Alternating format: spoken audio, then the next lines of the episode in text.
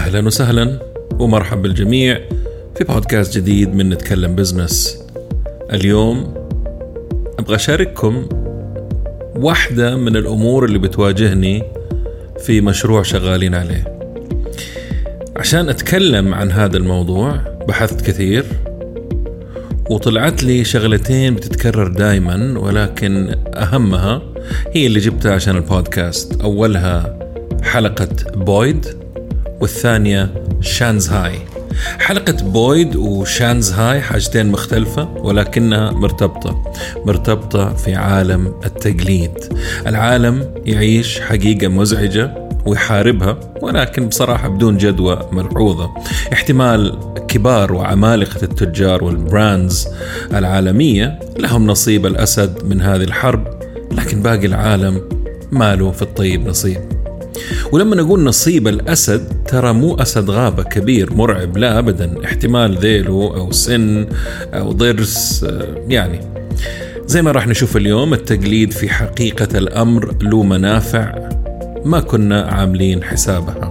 راح أحاول أغطي الموضوع مع جزء أهم اللي هو كيف أنا كصاحب فكرة أتعامل وأستعد للتقليد والمقلدين والعالم اللي تغير حرف أو شكل أو رسمة أو تزيد عنصر وتنكر إنها قلدت أساسا الفكرة اللي أنت مقدمها.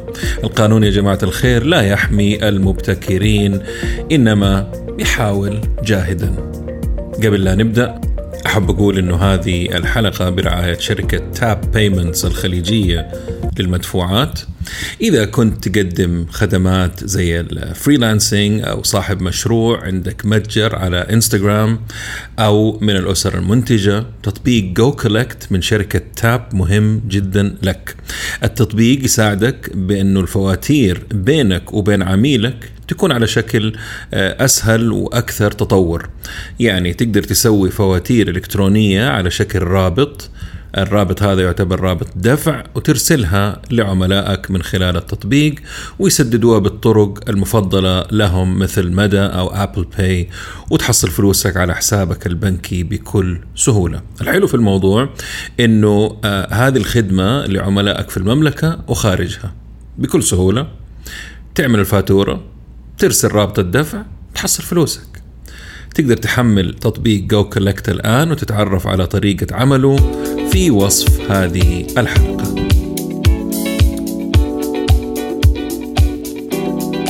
أهلا وسهلا.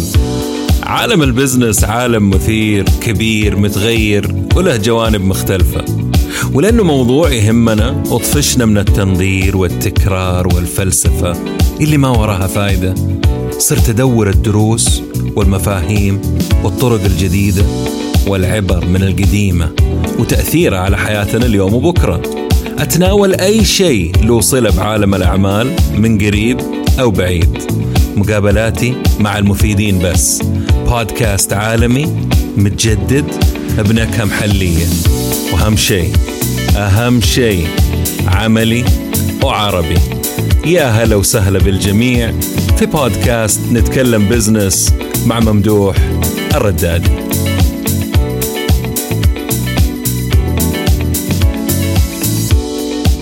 عشان نبدأ نشرح نظرية بويد نبعد شوية عن عالم ال business ونروح للعالم الرائع حق الطيارين الحربيين. الطيار الحربي له كذا هيبة ولهم صفات خاصة عشان يقدروا يطيروا داخل الطيارات الحربية. لما طيارتين حربية تتقاتل يسموها بالإنجليزي ومن الأيام الحرب العالمية الأولى دوغ فايت مضاربة كلاب.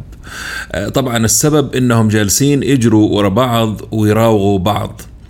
هنا طبعا لازم نحط نفسنا في مقصورة طيار حربي يطير طيارة حربية حديثة. حاجة زي ال F 15 ال F 16 أو التورنيدو أو الميج وغيرهم. كيف الشعور؟ أكيد روعة. طيب أبغاكم الآن تتخيلوا السرعة وال G-force قوة الجاذبية أعتقد ترجمتها والنزع والرزع وجسم الطيار وسط هذا كله هو يحاول يعني يفهم إيش حاصل أول شيء. مو بس كذا لازم يعرف فين عدوه. وبعد ما يعرف راسه من رجله وفين عدوه لازم يحاول يتنبأ آه، حركات الطيارة الثاني عشان يباغته ويصيده قبل الطيارة الثاني يصيده دوامة مخيفة مجنونة. فإذا نتيجة هذه المراوغة الحربية يتحكم فيها عاملين مهمين.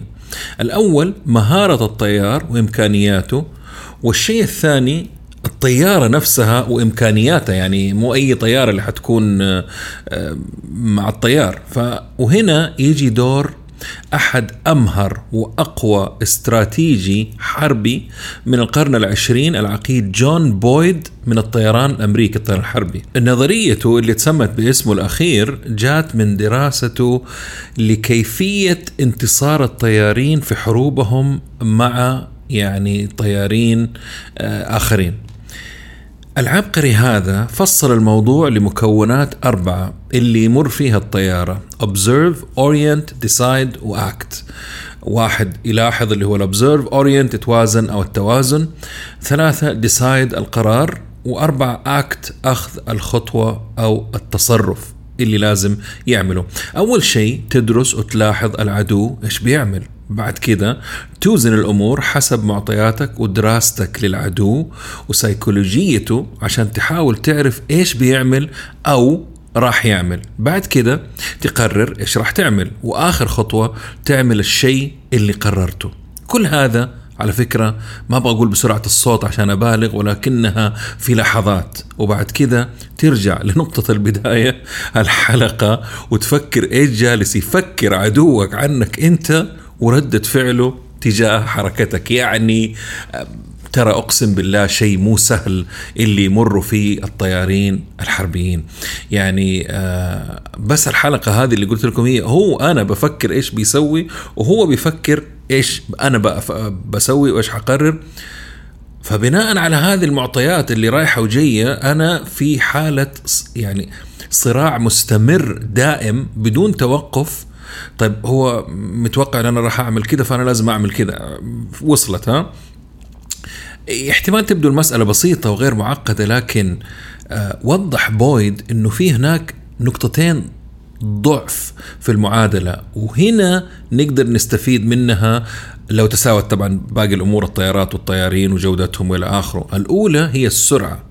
لو كان الطيار سريع في إكمال الخطوات راح يباغت الطيار الثاني وبالتالي يخليه يتخذ قرار أسرع يعني يقفز قفزتين أو ثلاثة خطوتين أو ثلاثة عشان يبعد عن طريقه وصاروخه أو رصاصه. فإذا كلما أسرع الطيار في اتخاذ قراره وتنفيذ خطواته كلما زادت احتمالية أنه الطرف الثاني يخطئ. إحنا قاعدين نراهن إنه يخطئ نبغى الطرف الثاني يخطئ. النقطة الثانية هي الغرابة والخروج عن المألوف. مرة عجبتني النقطة هذه إنك تكون غريب غير متوقع unpredictable إنسان ما يتوقع الطرف الثاني إيش راح تعمل. ليش أنت تسهل مهمة الطيار الثاني وتخليه يقرأك؟ أعمل شيء غريب خارج المألوف يخليه يتبرجل ويتلخبط في قراره وما يفهمك. على فكرة هذه نفس طريقة لعبي في فيفا. ما حد داري إذا عندي خطة ولا جالس أخرف. فبالتالي يبدأوا معايا كويس. بعد فترة تلاقيهم يقول إيش ال... والله ما عنده سالفة.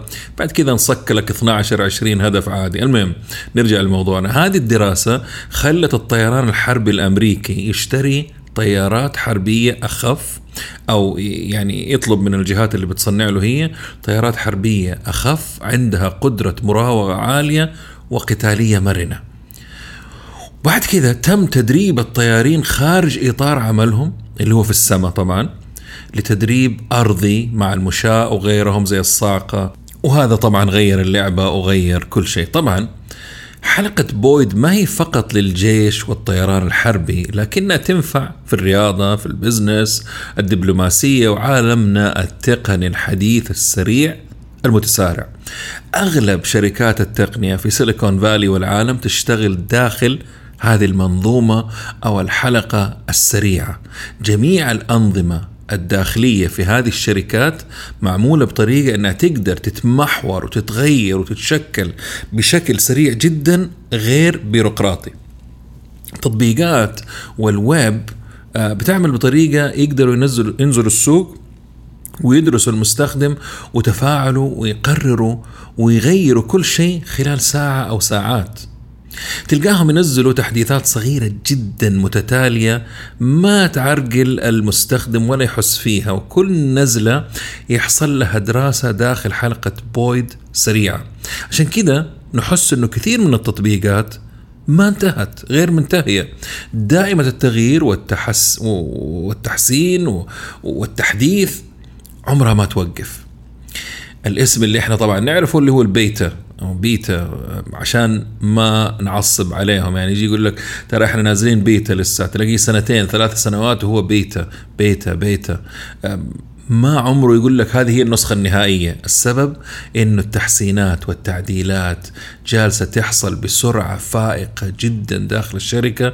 جالسين يدرسوا أنا وأنت وأنت إيش قاعدين نسوي داخل التطبيق أو الموقع ويحسنوا بناء على التغييرات اللي عملوها. إلين ما يوصلوا لمرحلة آه، إحنا نبدأ نقول أوه والله يعني مناسب لي مناسب لك ومناسب لك.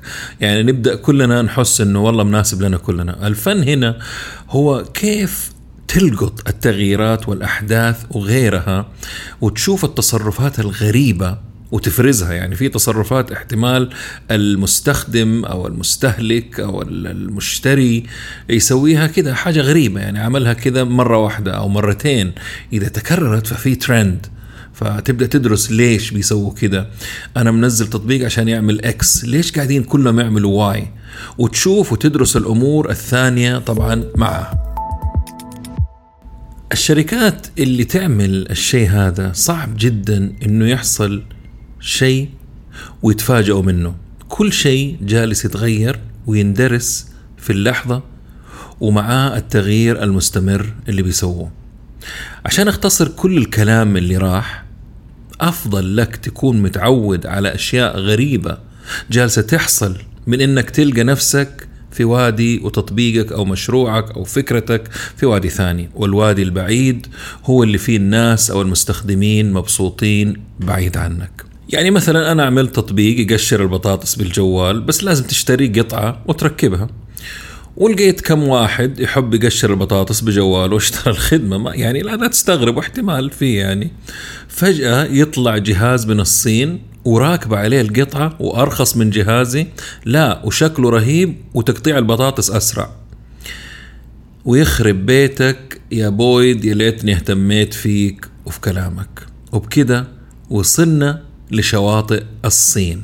وموضوعنا المرتبط بحلقة بويد وهي حركة شانزهاي. شانزهاي. وأهمية حركة شانزهاي. التقليد على فكرة يا جماعة الخير موجود عبر العصور وما راح ينتهي نهائيا. الأشياء الثمينة صعبة المنال الغالية المرغوبة اللي ما نقدر نشتريها نقلدها واللي مو قادر خلاص اشتريها يعني okay؟ اشتري المقلد. وهنا يجي دور الصين وشانزهاي اللي معناها الجبل الشامخ أو شيء زي كده المعنى المبطن إنهم عاملين زي روبن هود اللي يسرق من الأغنياء ويعطي الفقراء. كل القوانين العالمية وحماية المستهلك والفكر والصناعة والملكية الفكرية مسكوها كده في يد واحدة ورموها في أقرب حاوية للنفايات وبعدها عملوا نفسهم ميتين. كيف؟ مي مين؟ تقلي أنا؟ أه إحنا؟ قلدنا؟ يا رجل متى؟ وطبعا تطورت العملية وأصبح هناك تقليد درجة أولى وثانية وثالثة ودرجة ذوب قبل ما توصل للمشتري. وبعد كده تطور التقليد لدرجة إنهم صاروا يطوروا من المنتج ويضيفوا له إضافات هم يشوفوا إنه المصنع الرئيسي اللي صنعها نسيها أو ما عبرها. وأذكر هنا أول ظهور على فكرة الجوالات اللي تشيل شريحتين منفصله ترى كانت تقليد وقبل شركة نوكيا وغيرهم نعم كانت ابتكار تقليدي. أقصد بتقليدي هنا يعني مو تقليدي أقصد إنه تقليد قلودي يعني أوكي؟ يعني سكان شانزهاي أصبحوا يحسنوا من المنتجات المقلدة. بعيدا عن كرهي لعالم التقليد واللي في داخله قدروا يسرعوا عملية تطوير المنتجات غصبا عن الشركات المصنعة لها. تخيل أنت تخترع شيء وعامل حسابك راح تطوره بعد سنتين من نزوله للسوق. يجيك واحد صيني بعد ستة شهور وينزل نسخة مطورة حقت ستة سنوات قدام. إيش شعورك؟ طبعا جماعة شانزهاي ما تركوا شيء ما اشتغلوا فيه بس أهم شيء يهمهم وشاغلهم عالم الجوالات. طبعا ملابس أزياء براندات عالمية وشنط وغيرها مو بس كذا حتى معاهم سياحة المدن والبلدان قلدوها. يتخيلوا معالم مدن معينة قلدوها. من أغرب الأشياء للناس اللي زاروا الصين محلات Apple Stores مقلدينها بالكامل نفس الديكور الموظفين نفسهم. حتى الموظفين مصدقين إنهم بيشتغلوا في شركة ابل الأمريكية. المحو... المحلات موجودة في مدينة كومينج مو بس فرع واحد عدة فروع. يعني خلونا نتوقف لحظة هنا ونفكر في الموضوع كيف توسعوا فيه.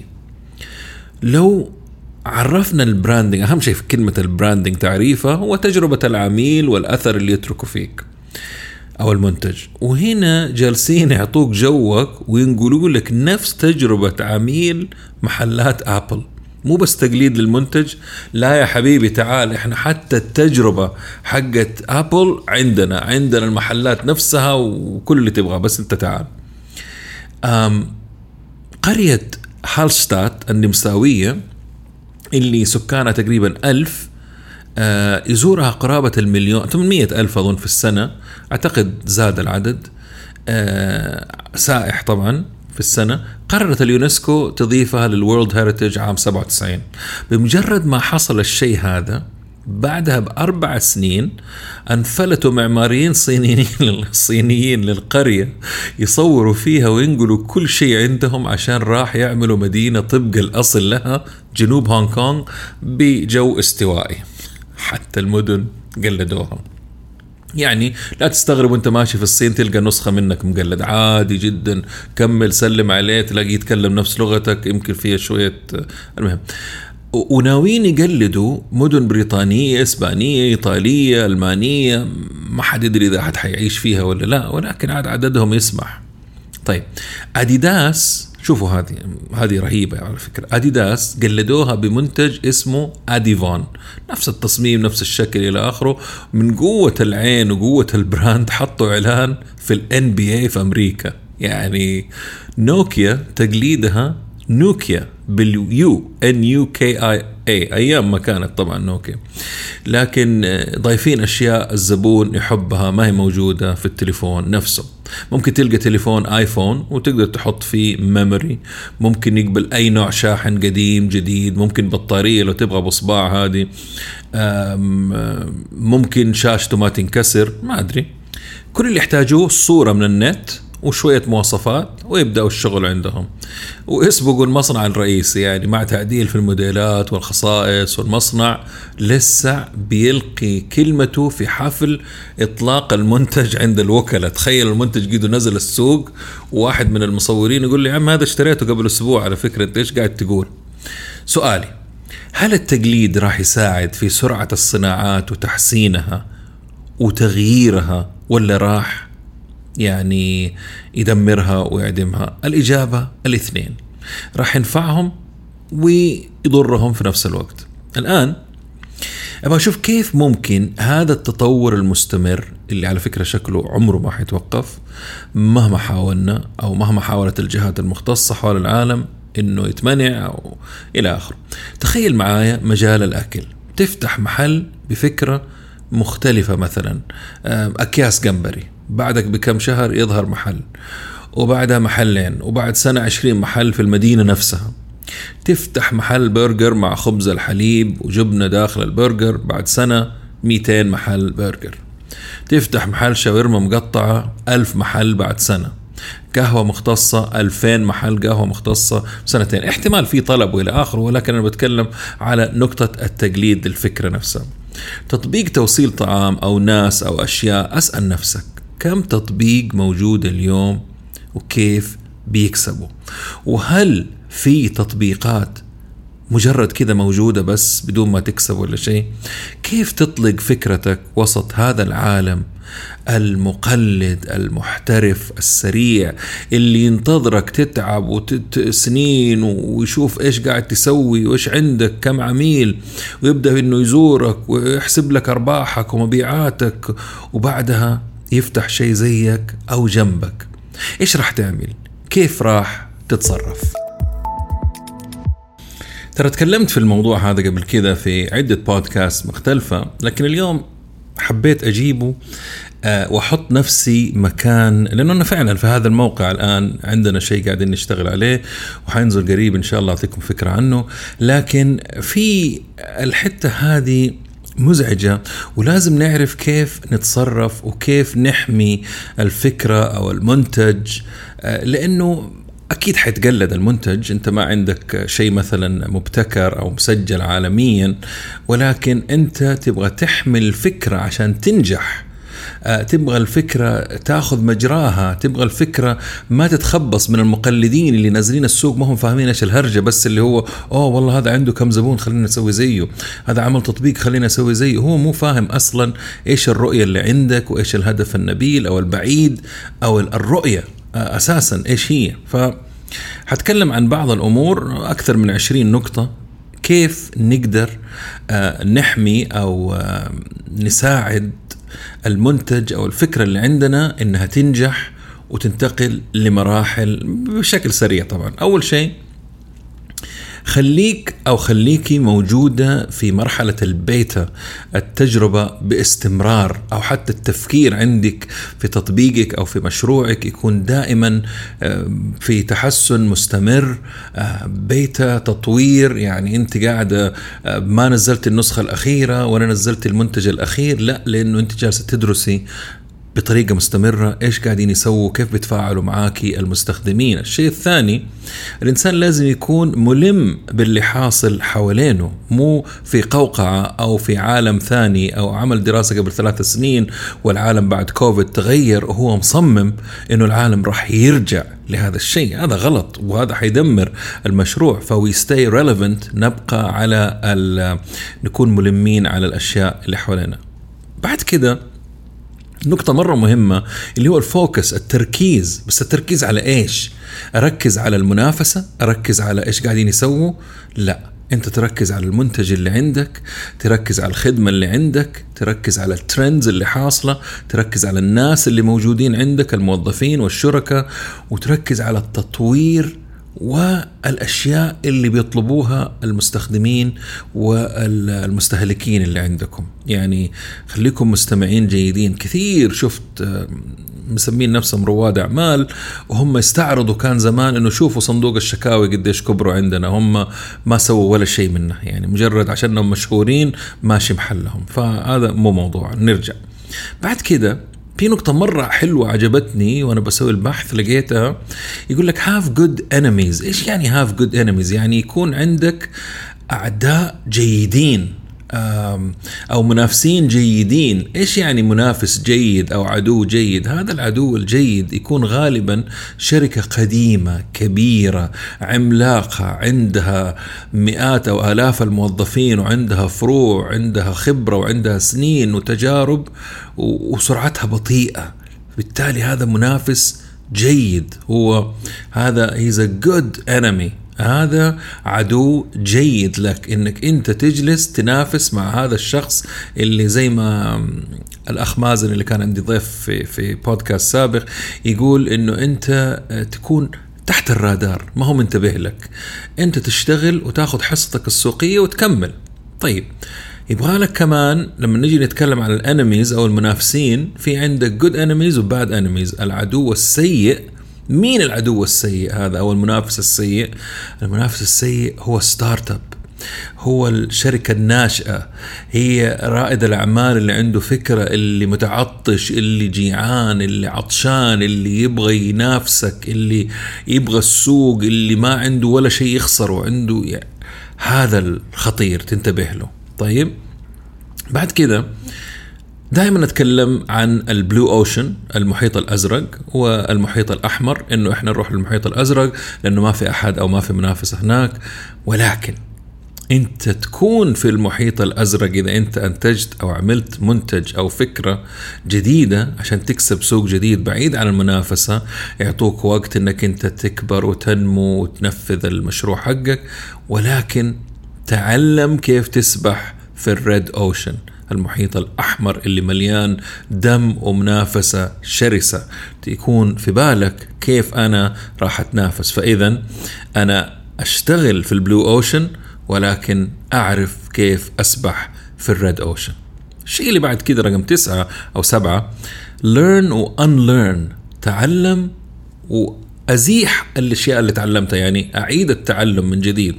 هنا إيش أقصد؟ إنه في أشياء تعلمناها زمان ما عادها مفيدة اليوم. فاذا أنا لازم الاعتقادات هذه أشيلها واستبدلها بشيء جديد. نفس الشيء بالنسبة للعملاء نفس الشيء بالنسبة للسوق لازم يصير في تحديث لمعلوماتي. نجي على النقطة الثامنة اللي هي المخاطر المخاطر المدروسة.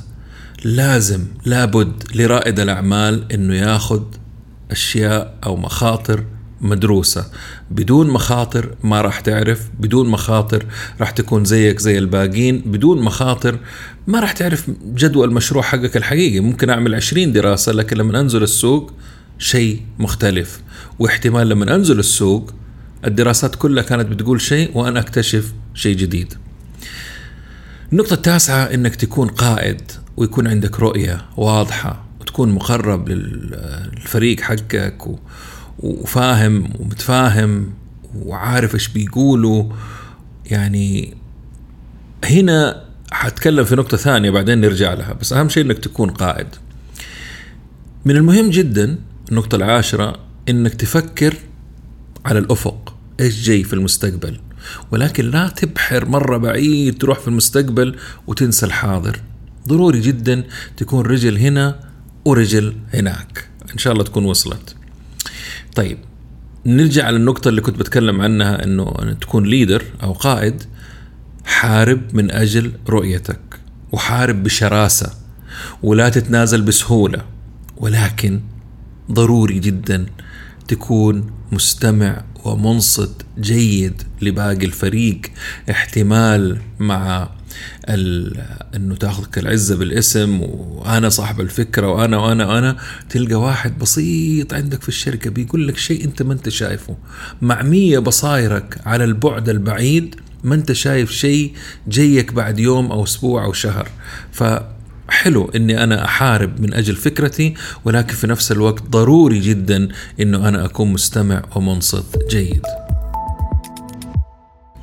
جميل جدا لما يكون القائد أو صاحب الفكرة يخاف. الخوف على فكرة يا جماعة الخير صفة جيدة معناته إنه أنت بتعمل شيء خارج منطقة الراحة اللي أنت متعود عليها.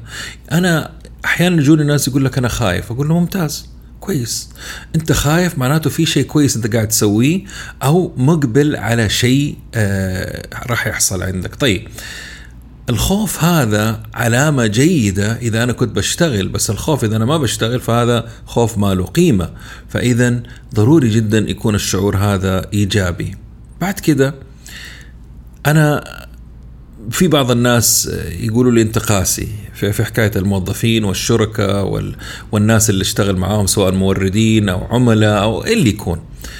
يعني حافظ على الأفضل اللي عندك. إن كان موظف إن كان عميل إن كان شريك إن كان جهة موردة اللي يكون حافظ على الجيدين وبالعكس أعطيهم كل اللي تقدر عليه وأدعمهم وساعدهم لأنه في الأخير هي محصلة أعمال. هي ما هي مو عمل فردي أنت تسويه لا. المحصلة النهائية هي اللي بتوصل لعميلك أوكي؟ أو الشيء اللي أنت بتقدمه. وتخلص هنا النقطة اللي الناس يزعلوا مني تخلص بسرعة البرق من السيئين الموظفين اللي ما لهم ما منهم داعي ما منهم فايدة المورد التعيس اللي يخلف الشريك اللي ما هو قدها. تكلمت قبل كده في بودكاست عن الشركة تخلص عنهم بسرعة وإلا راح كلهم هذولا يخلصوا عليك. وعلى فكرة لما يشوفوك أو يقابلوك في مكان ولا كأنهم يعرفوك خذوها من تجربة.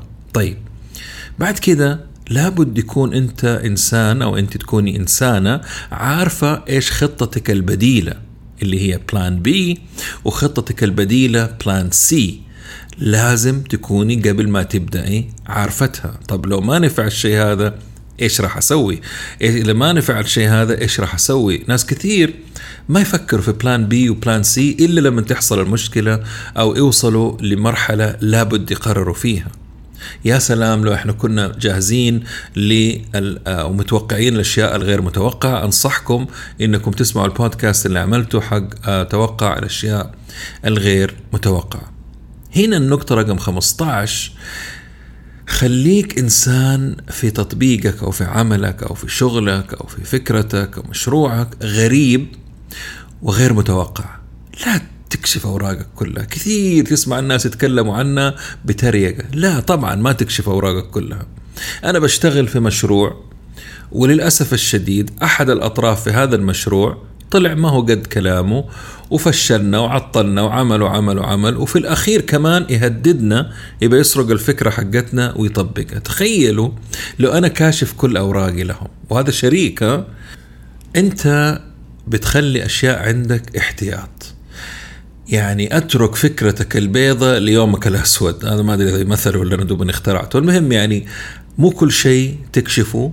ولا تخليك إنسان متوقعين إيش تصرفاتك لا السوق ولا الناس ولا العملاء. يعني دائما خليك ما أبغى أقول غريب لدرجة إنه يستنكروك أو كذا لكن مو كمان تكون مرة مفضوح وكل أمورك وكل خطواتك واضحة يتنبأوا إيش راح تسوي ويسبقوك لها المنافسين و إلى اخره طيب دائما أعمل branding لنفسك و branding قوي. قبل ما تبدأ وأثناء شغلك وبعد ما تبدأ ولا تتوقف عن عمل وتقوية البراند الشخصي لك لأنه راح يدعمك على المدى البعيد.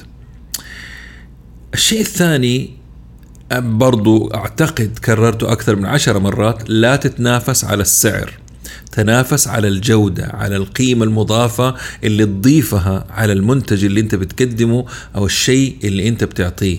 التنافس على السعر راح يخرجك من السوق بكل بساطة.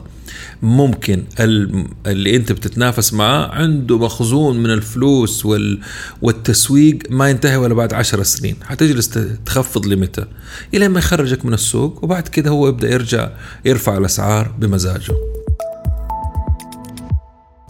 النقطة هذه بأنه لا تفضح كل أوراقك برضو لابد يكون عندك أسرار في العمل أو أسرار في التطبيق أو أسرار في الفكرة اللي عندك تطلعها كل بعد فترة في الوقت المناسب. يعني مثلا إذا أنت حتتطور ما تنزل كل شيء دفعة واحدة تترك شيء لبعدين. زي ما قلنا حلقة بويد بتنزل أشياء وبتدرسها. حلقة مستمرة ما تنتهي نهائيا دائرة. الدائرة هذه تجرب تختبر تنزل تعدل ترجع من جديد زي زي حلقة Boyd. من المهم جدا إنه أنت تكون إذا كنت أنت أول أو أنت كنت أول إنسانة تنزل السوق بفكرتك يعني يسموها first to market advantage هنا ميزة الأول للسوق يعني أول واحد ينزل السوق له ميزة تنافسية ما حد سبقه لها فهو بالتالي السوق كله عنده ما حد ما عنده منافسين العملاء ما هم شايفين غيره فبالتالي عنده ميزة تنافسية. ولكن حلو جدا إنه أنت يكون آه، الأول ولكن أعمل حسابك إنه هذا الشيء ما راح يستمر.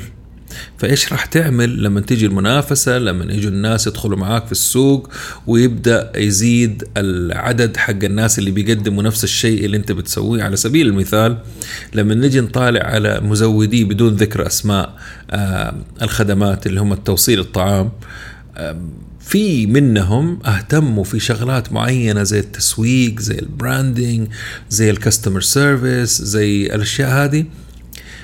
ومو بس زادت المنافسة عليهم زادت بشكل كبير. تخيلوا إيش حصل؟ اللي حصل إنه زادت أرباحهم أضعاف مضاعفة. ليه؟ لأنهم كونوا قاعدة وفي نفس الوقت جالسين يهتموا بهذه القاعدة ويقدموا لها أشياء صعب جدا إنه الجهات الثانية تسويها. هم عارفين المنافسين إيش بيسووا لكن هم مركزين مع عملائهم. أنا أحب العبارة هذه الإنجليزية اللي تقول aim for the moon and keep aiming. If you don't hit it you're gonna hit the stars. يعني خلي أهدافك للقمر. إذا ما أصبت القمر احتمال تصيب نجوم. فبالتالي مو عيب إنه أنا تكون أحلامي مهولة كبيرة. ولكن أنا أكون قد الحلم هذا وأحط الجهد المطلوب لأنه إذا ما تحقق هذا الحلم احتمال يتحقق شيء أقل منه بكثير. ولكنه بالنسبة لي أنا لو ما سويت شيء يعتبر شيء مهول. فدائما خلوا هذه الفكرة في بالكم. لما تبدأوا تدوروا على العملاء لا تجلسوا تقولوا أنا ماني معروف في السوق أو أنا لسه دوبني بادئ أو مشروعي صغير أو ما حيطالعوا فيه الشركات الكبيرة أو لا ابدا. الشركات العملاقة الشركات الميجا الشركات اللي عندها عدة فروع في جميع أنحاء المدن أو العالم دائما دائما دائما يحبوا الستارت أبس يشتغلوا معاهم يحبوا الشركات الناشئة. يعتبروهم موردين راح يكونوا بيقدموا لهم خدمة آه، ما حيقدر يقدم لهم هي شركة عملاقة عندها مئات العملاء. انت عندك ميزة تنافسية إنه انت صغير دوبك بادئ مرن ليونة راح تهتم بالعميل هذا ليل نهار. لو كلمك أربع الفجر راح ترفع السماعة. انت صاحب الشركة وترد على المسؤول اللي بيكلمك من الشركة عكس لو هم بيتعاملوا مع شركة عملاقة. فبالتالي آه، حاول إنك أنت أو أنت تجيبي عميل كبير ضخم على قولهم حوت أو أو هامور أوكي؟ لأنه هذا العميل راح يتكلم وراح يلفت انتباه عملاء في نفس مستواه أو أقل أو أكبر منه. عكس لو أنتوا أخذتوا عميل صغير راح يجيب لكم عميل أصغر. تذكروا هذه النقطة مرة مهمة في عالم التقليد. لو أحد بيقلدكم إحنا طبعا بنتكلم عن إيش نسوي لو نزلنا السوق ولقينا في ناس آه، بيقلدونا. طيب مهم جدا إنه نحتفل احتفالات كثيرة صغيرة متتالية ترفع المعنوية في الفريق لأنه المشوار مرة طويل ما هو قصير. أبغاكم هنا تفتكروا الكلام اللي قلته في البداية عن حلقة بويد؟ وتتذكروا إنه شانزهاي عمرها ما تنام. شانزهاي في الصين شغالين 24 ساعة. حلقة بويد ما تتوقف نهائيا. بتطورك بتخليك دائما حذر مرن آه، بتجدد بتحسن بتختبر بتدرس. وشانزهاي هي فكرة. هي فكر. ما بتكلم عن المدينة أو التفكير هذا حق التقليد. التقليد لن يتوقف. إذا أنت خايف أنه أنت منتجك لما تنزله أو فكرتك أو مشروعك لما ينزل السوق خايف من التقليد أبشرك ترى راح تقلد وراح تقلد أسرع مما تتوقع أو أسرع مما تتوقعي بسرعة البرق واحتمال يكون أفضل من الشيء اللي أنت نزلته لأنه هم شايفين أنت إيش عملت وحيحسنوا عليه. فدائما اتذكروا حلقة بويد وشانزهاي. وبكذا وصلنا لنهاية بودكاست اليوم وراح أحاول في نهاية كل بودكاست لأني بستخدم حلقة بويد إني أقدم أهم نقطة. دائما خليكم حذرين وأحترموا ودائما تنافسوا مع المنافس رقم واحد. لكم. هذه قاعدة أنا أشتغل عليها من سنين. المنافس رقم واحد لكم هو أنتم. أنتي أنت. أنت المنافس الأقوى والأشرس لنفسك وأنتي المنافس اللي لازم تنتبهي عليه وتنتبهي منه وتحسنيه وت... وتتطوري وتطوريه هو أنت. شكرا لوقتكم. وبرضه لا تنسونا من ال likes وال ما أدري subscribe في هنا ما هي يوتيوب هي. والتقييم على iTunes شكرا لوقتكم. والسلام عليكم ورحمة الله وبركاته.